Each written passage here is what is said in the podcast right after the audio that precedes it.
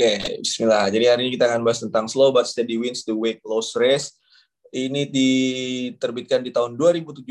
Di sini dikatakan bahwa a new study found that people who weight fluctuates early in a weight loss program had worse long-term result. Jadi dia bilang teman-teman bahwa uh, banyak orang yang mengalami yang namanya fluktuatif naik turun berat badan pada saat program diet itu biasanya pada saat long term ya program diet jangka panjang itu lebih lebih buruk hasilnya dari ketika mereka mengalami yang namanya uh, naik turun berat badan. Jadi nurun, naik, turun, naik. Biasanya long termnya tuh kan jauh lebih buruk. Jadi dia bilang, if losing weight feels more like being a yo-yo than a ball rolling down a gentle hill, then you might want to rethink your approach. Jadi kalau misalnya teman-teman punya mindset diet yo-yo, mungkin teman-teman perlu uh, mengevaluasi atau perlu melihat lagi program atau pendekatan atau mindset diet teman-teman dalam hal ini yang menjurus kepada diet yoyo. Diet yoyo itu apa sih? Diet yoyo itu gimana ya? Diet yoyo itu simpelnya adalah orang yang punya mindset naik berat badan, dia diet. Habis selesai dia diet, kan turun tuh berat badannya. Nah, setelah turun berat badannya, dia eh, akan balik lagi ke pola makan, gaya hidup yang lama karena dia udah udah turun kan. Jadi dia oh, udah turun ini, jadi olahraganya udah nggak lagi. Terus pola makannya amburadul, uh, ngawur kayak dulu lagi kan, nggak nggak perhatikan yang lain-lain. Terus naik berat badannya, setelah naik berat badannya dia diet lagi. Pokoknya seperti itulah. Jadi uh, naik, terus dia diet turun, dia balik lagi, naik lagi, turun, ya seperti itu teman-teman. Ya, dan di sini bilang new study found that people whose weight fluctuated in the first few months of a weight loss program lost less weight over the long run. Jadi ada satu penelitian menemukan bahwa orang-orang yang punya mindset diet yoyo ini, teman-teman, dalam beberapa bulan pertama ketika mereka program, biasanya eh, mereka akan mengalami yang namanya penurunan berat badan yang tidak terlalu signifikan dalam perjalanan program yang jangka panjang ya. Dibandingkan compare to people with more consistent week by week progress ya. Makanya ada banyak orang yang bilang bahwa fokus aja pada prosesnya fokus aja pada uh, apa yang kita lakukan maka nanti outputnya tuh bisa berubah. Yang penting adalah kita selalu nge-review ini. Jadi uh, kemarin kata apa salah satu coach yang share juga teman-teman uh, certified ya. Dia bilang bahwa sebenarnya untuk tahap permulaan teman-teman bisa uh, membentuk kebiasaan dalam pola makan itu sebenarnya nomor satu adalah food journaling teman-teman. Kalau teman-teman udah terbiasa dengan food journaling teman-teman baru step yang kedua aware dengan kalori belum menghitung kalori teman-teman. Baru aware dengan kalori. Kal kalori. Kalori ya. Nah nomor tiga step nomor tiga baru teman-teman counting kalori. Walaupun teman-teman paham bahwa yang namanya untuk fat loss atau untuk uh, program penurunan berat badan fondasi dasarnya itu kan defisit kalori. Tapi memang tidak disarankan untuk menghitung kalori terlebih dahulu yang penting teman-teman untuk switching dari pola makan yang sebelumnya dengan pola makan yang mau teman-teman lakukan yang baru, at least minimal teman-teman melakukan yang namanya food journaling. Food journaling tuh ya simple kayak misalnya hari ini makan apa aja, terus uh, kok tiba-tiba hari ini lapar, laparnya terus teman-teman makan apa dan segala macamnya. Itu food journaling. Jadi membiasakan diri. Ya. Bahkan di sini bilang the Drexel University research suggests that this may help identify people early on who needs extra support in meeting their weight loss goals. Jadi uh, kalau misalnya ada orang yang punya mindset turun berat badan dalam waktu cepat uh, dan mereka nggak peduli, pokoknya pakai cara apa pun bodoh amat, yang penting turun berat badan dengan cepat. Nah ini nih yang kadang kala menjadi bumerang buat diri kita gitu kan karena kita lebih mudah uh, merasa tergoda dengan hal-hal janji-janji manis. Turun berat badan dengan cepat. Ya. Bahkan saya itu pernah ditanya teman-teman ya. Coach saya pengen turun berat badan tapi saya nggak mau atur pola makan sama saya nggak mau olahraga. Hah? terus gimana dong? Ya. Bahkan bahkan setelah color. Sama nih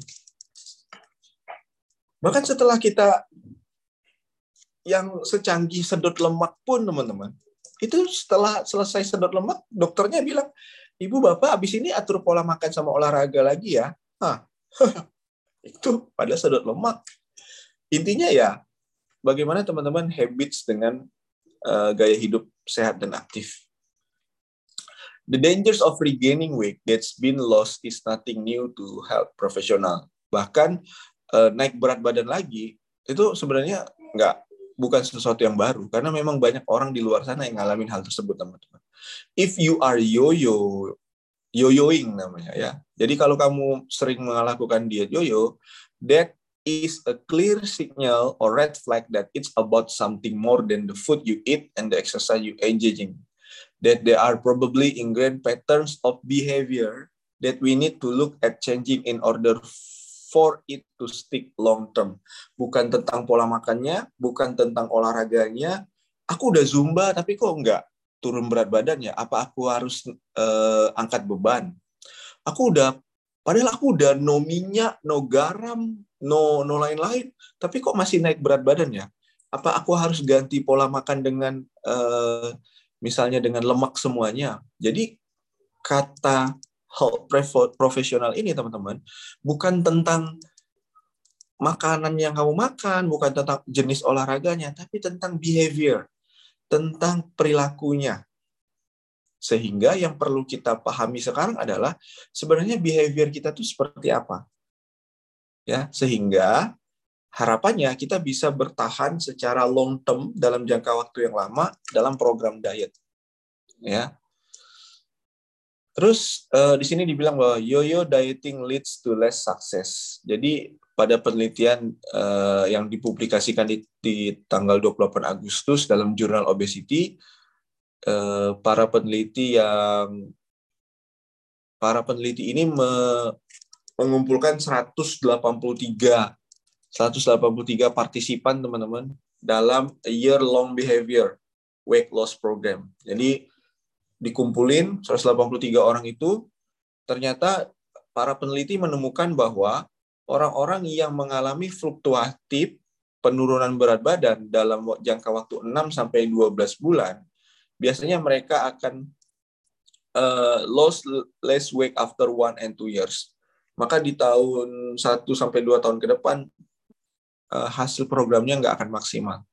Sebagai contoh, people who lost 4 pounds in one week regain two the next and then lost one the next and so on did more poorly than people who lost one pound each week for the first six months. Intinya adalah bagaimana teman-teman berprogres dan teman-teman nggak hanya fokus pada berat badan di timbangan aja. Saya tuh sering ditanya, berarti salahkah kalau kita tuh fokus pada berat badan di timbangan? Enggak, enggak salah teman-teman. Tapi menjadi menjadikan angka di timbangan itu sebagai the one and only uh, progress goals kita, nah itu yang kadangkala secara tidak langsung itu mempengaruhi mindset kita tentang keberhasilan program diet. Saya selalu bilang bahwa program diet uh, tentang angka di timbangan, it's good, teman-teman mau jadikan acuan, tapi masih banyak acuan lain juga yang teman-teman bisa jadikan sebagai tolak ukur keberhasilan program diet teman-teman ya. Dan bahkan kita sering melihat orang-orang yang berat badannya sama tapi looks-nya tuh beda, ya. Penampakannya tuh beda, kebugarannya tuh beda. Bahkan saya saya adalah salah satu orang yang mengalami yang namanya eh, apa namanya tofi teman-teman thin outside fat inside. Jadi saya itu dulu berat badannya 50 57 60 kilo, tinggi tinggi badan saya itu 178 sih kurus banget teman.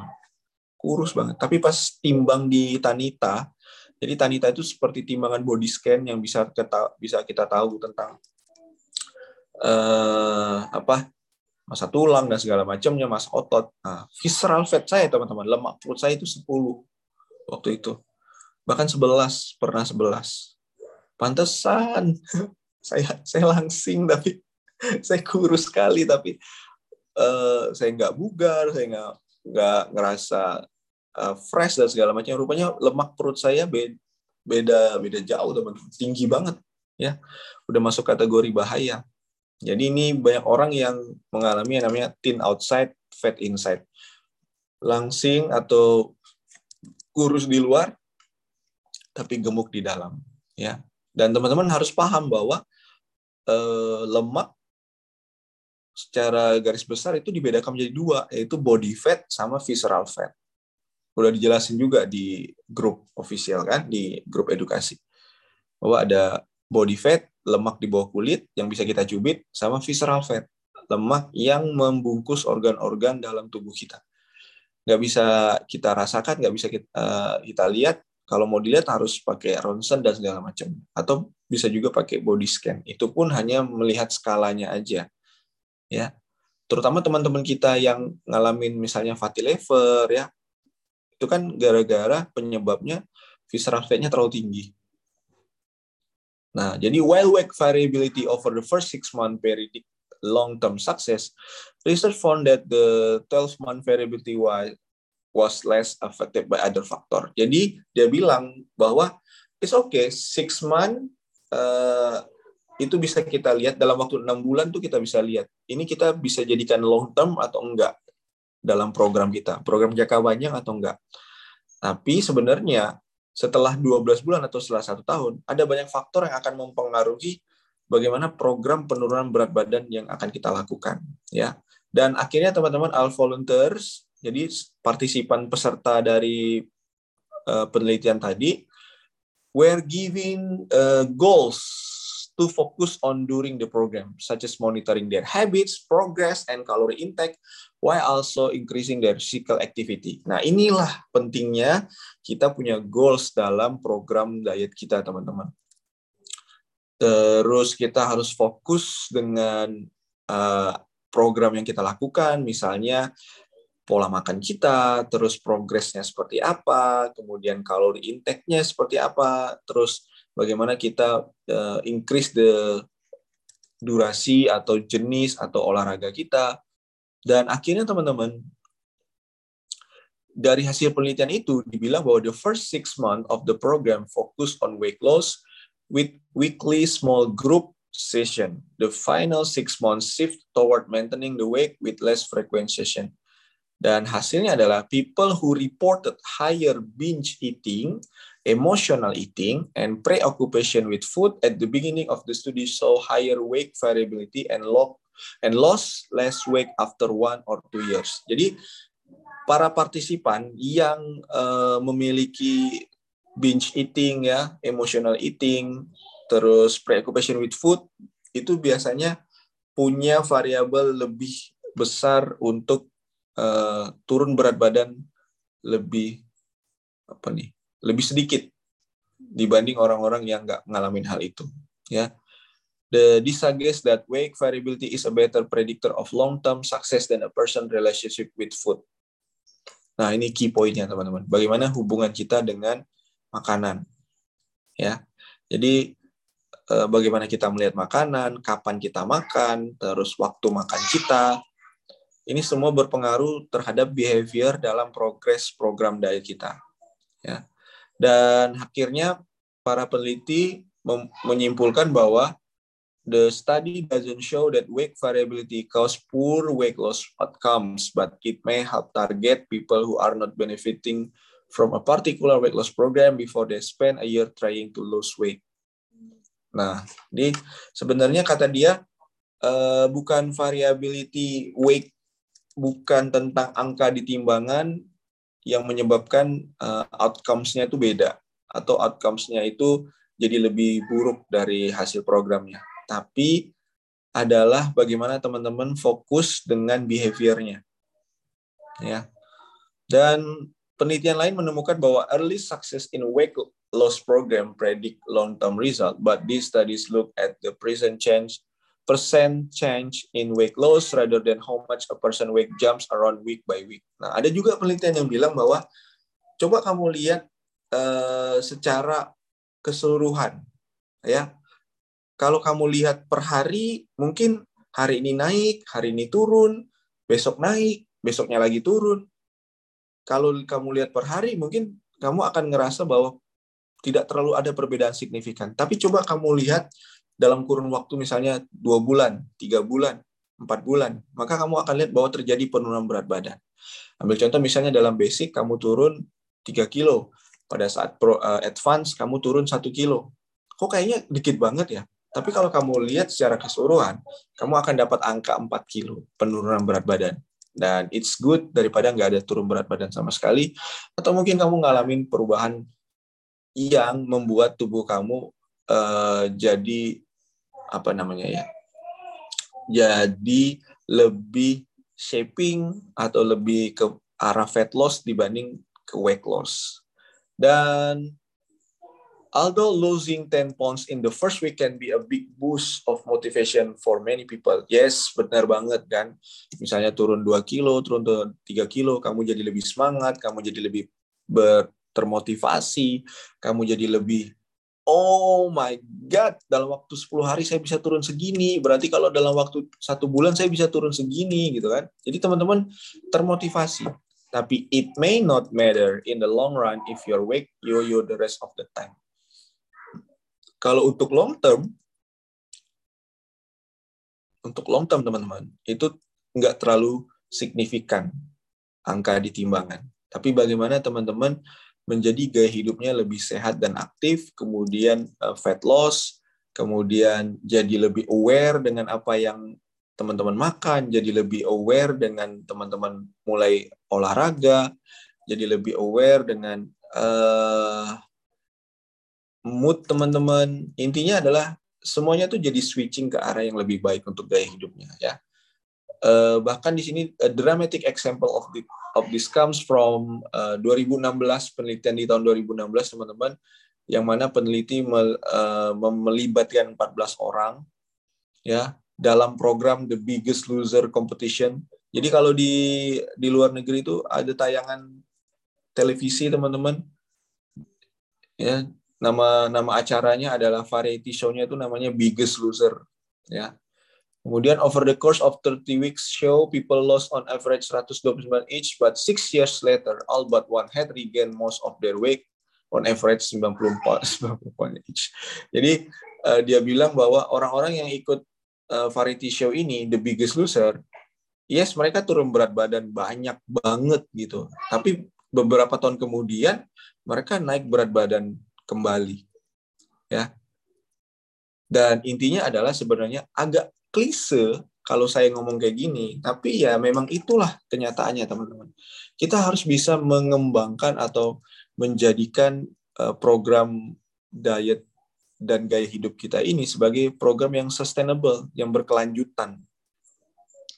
Yang berkelanjutan, bukan turun terus kita balik lagi ke pola makan lama, terus kita naik lagi, terus kita diet lagi. Intinya adalah bagaimana kita sustain dengan program kita sekarang. Ya, pada saat kita udah capai target kita, selanjutnya apa? Kita bisa upgrade goals kita. Misalnya kita jadi buat pengen badan kita jadi lean, atau kita pengen uh, tingkatkan level kebugaran kita, atau kita mulai uh, belajar untuk, ih kayaknya seru kalau saya upgrade goals bisa 5K, 10K, terus 20K, terus bisa jadi 50 km. Jadi intinya adalah goals-nya itu kalau kita udah checklist, ya kita upgrade lagi. Kita upgrade lagi. Sehingga program kita jadi sustain, berkelanjutan. Misalnya kita udah mulai bugar, lihat kiri, eh ada suami nih. Masa yang bugar saya doang? Suami juga harus bugar, kan? Terus lihat anak, wah, udah harus mulai dikenalkan nih pola makan hidup yang uh, apa gaya hidup yang sehat dan aktif ke anak. Anak mah enak banget teman-teman, ya lebih mudah imprinting, lebih mudah copy paste dari apa yang kita lakukan. Karena biasanya apa yang ibunya makan, anak juga pasti suka gitu kan. Anak juga biasanya ikut makan. Jadi dibilang bahwa di sini adalah uh, it's good teman-teman kalau turun berat badan cepat, no problem. Tapi kalau teman-teman menjadikan berat badan itu sebagai salah satu prioritas utama dalam program diet teman-teman, maka biasanya teman-teman akan jauh lebih kesulitan dalam program yang long term ya teman-teman seperti yang saya sampaikan kemarin teman-teman bayangin uh, seorang yang turun 60 kilo dalam waktu satu tahun. Satu tahun itu uh, dibilang cepat juga nggak cepat, lama banget itu kan satu tahun. Dia turun 60 kilo. Uh, bahkan udah turun 60 kilo dalam satu tahun pun masih ada aja yang bilang, Hah, cuma 60 kilo? Buset. udah turun 60 kilo, masih aja dijulitin. Heran saya orang-orang. 60 kilo dalam satu satu tahun lama banget coach satu tahun 60 kilo ya coba aja turun 60 kilo sustain satu tahun teman-teman ya dan intinya adalah bagaimana teman-teman fokus kepada behavior change. Paling penting itu adalah behavior change-nya teman-teman. Yang biasanya lebih sustain dengan long term. Teman-teman lebih apa kalau behavior change itu ya pola tidur terus hmm, air putih minum air putih gitu kan olahraga kemudian udah mulai masak di rumah terus masak makan-makanan buat uh, program dan segala macam jadi behavior perilakunya yang teman-teman bisa berubah dan uh, sexy or not sustainable is good if you want to keep the weight off jadi paling penting adalah bagaimana teman-teman sustain, ya, sustain. One way to approach weight loss sustainability is by setting goals that you can actually achieve. Intinya adalah teman-teman setting goals katanya, ya, buat goals teman-teman. Misalnya, pokoknya satu minggu ini saya uh, goal saya adalah turun lingkar tubuh 2 cm, kemudian uh, follow meal plan, air putih nambah 500 mili. Jadi buat goals yang teman-teman bisa achieve tiap minggu. Sehingga minggu depannya upgrade, minggu depannya upgrade lagi. Dan for example, if your approach to weight loss involves running and you are currently running on one mile three times a week, the next step needs to be doable. Nah, that meant they make mean running two miles on one or two of today, not jumping straight to 10 miles six times a week. Jadi dia bilang bahwa kalau teman-teman punya uh, goals, target, misalnya lari ya three times a week, tiga tiga kali seminggu, maka goals berikutnya adalah tambahkan jarak larinya. Dan on one or two of those days, not jumping straight to 10 miles. Jadi bukan langsung hari ini bisa lari satu kilo, oh pokoknya besok harus bisa lari 10 kilo. bertahap teman-teman. Ya bertahap.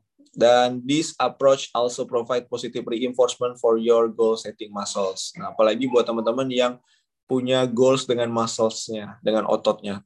The more you set and achieve goals the more you will be able to set and achieve goals. Jadi semakin teman-teman uh, bisa upgrade goals teman-teman maka semakin juga, dapat juga teman-teman untuk mencapai goals teman-teman ya. Looking at your food trigger is another sustainable weight loss solution. Dan perhatikan juga ketika teman-teman ngerasa ke-trigger atau merasa terpicu dengan pola makan, dengan makanan. Misalnya, eh, teman-teman harus aware pada saat, kenapa sih saya lebih sering pada saat marah kok jadi pengen makan coklat ya. Pada saat marah kok jadi pengen makan sesuatu. Nah, ini teman-teman harus aware. Bukan makanannya berarti, tapi pemicunya Pemicunya apa? Marah. Oh, berarti kalau saya marah, saya jadi lebih nggak terkontrol nih pola makan saya. Itulah biasanya yang disarankan dalam food journaling, teman-teman. Jadi, food journaling itu ada satu kolom yang isinya adalah kenapa saya makan itu.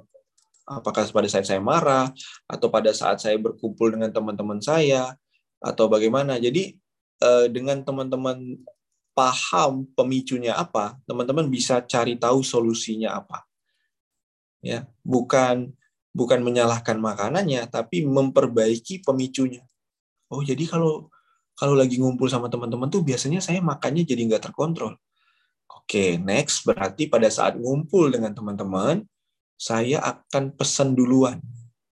Jadi ada saya, ini lucu nih teman-teman. Saya ada baca satu artikel uh, yang bilang tips makan di luar bahwa ada satu poin kalau mau makan di luar atau bareng teman-teman atau bareng keluarga, pilihlah jadi yang pertama. Jadi teman-teman harus pilih duluan. Dia bilang kayak gitu di artikelnya. Kalau kita kalau kita pilih jadi orang yang terakhir, nah biasanya tuh kita lihat eh, pesan apa tadi? Aku pesan bakso. Kamu pesan apa?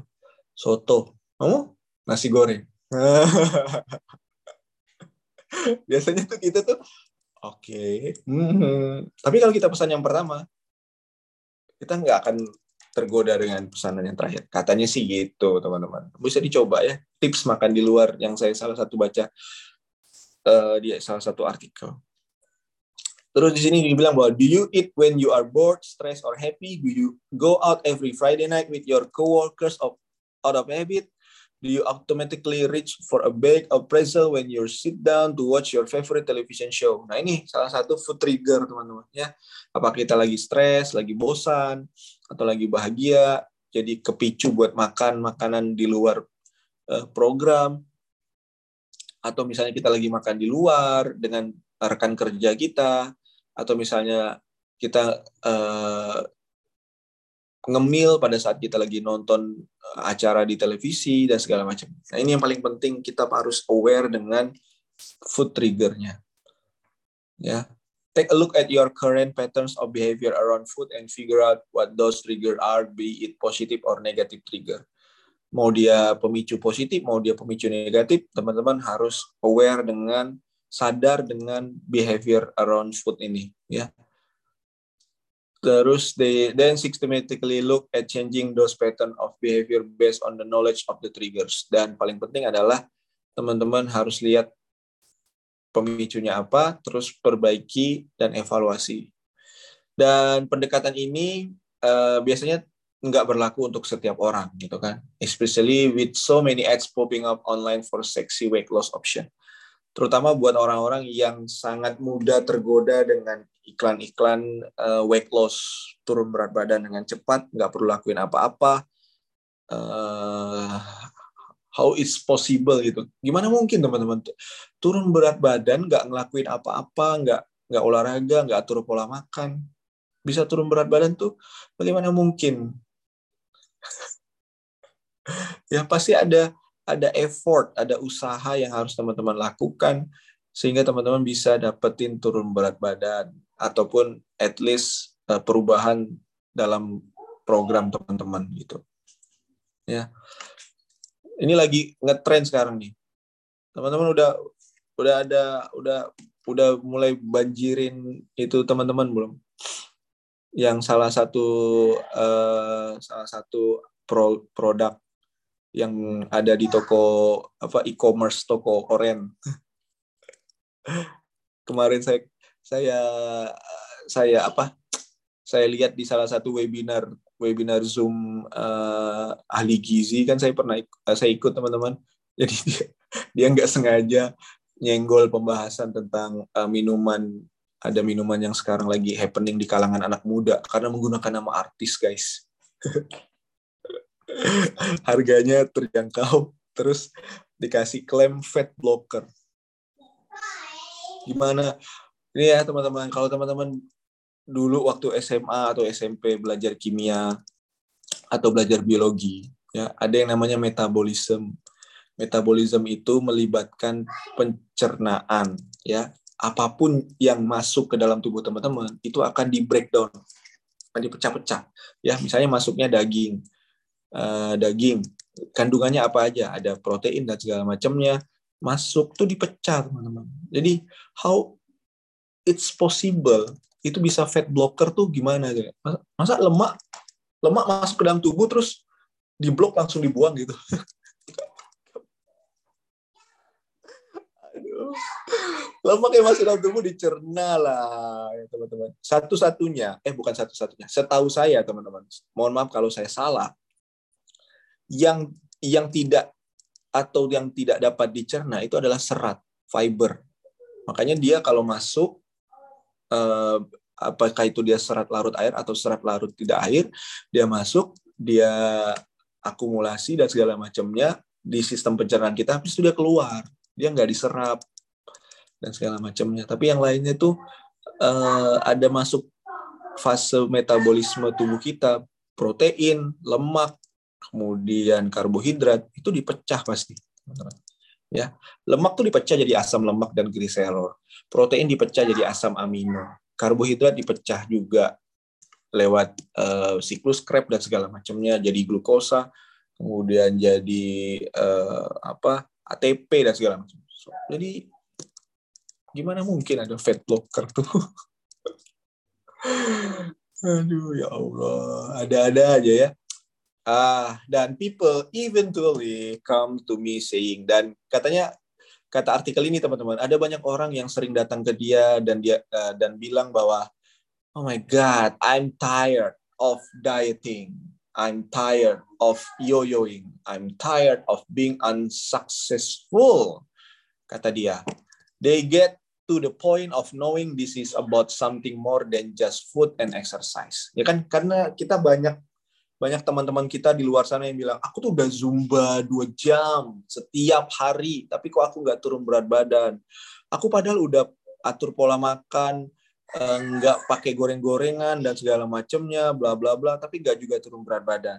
Jadi kata kata artikel ini teman-teman, is not about food dan exercise. Bukan tanya tentang olahraga dan makanan, tapi ini tentang bagaimana kita uh, punya mindset yang bisa melakukan diet berkelanjutan, kemudian behavior atau perilaku kita berubah. Dan selesai. Ya. Ini kita akan bahas nanti teman-teman the different stage of losing weight, fat loss and weight loss ya. Ada banyak hal yang perlu kita bahas. Intinya adalah uh, hari ini apakah boleh turun berat badan dengan cepat? Boleh banget. Apakah turun berat badan dengan cepat itu bisa sustain? Bisa aja. Intinya adalah bagaimana kita punya mindset dan behavior kita berubah. Perilaku kita berubah terhadap pola makan, olahraga, kualitas tidur dan masih banyak hal yang lainnya. Ya.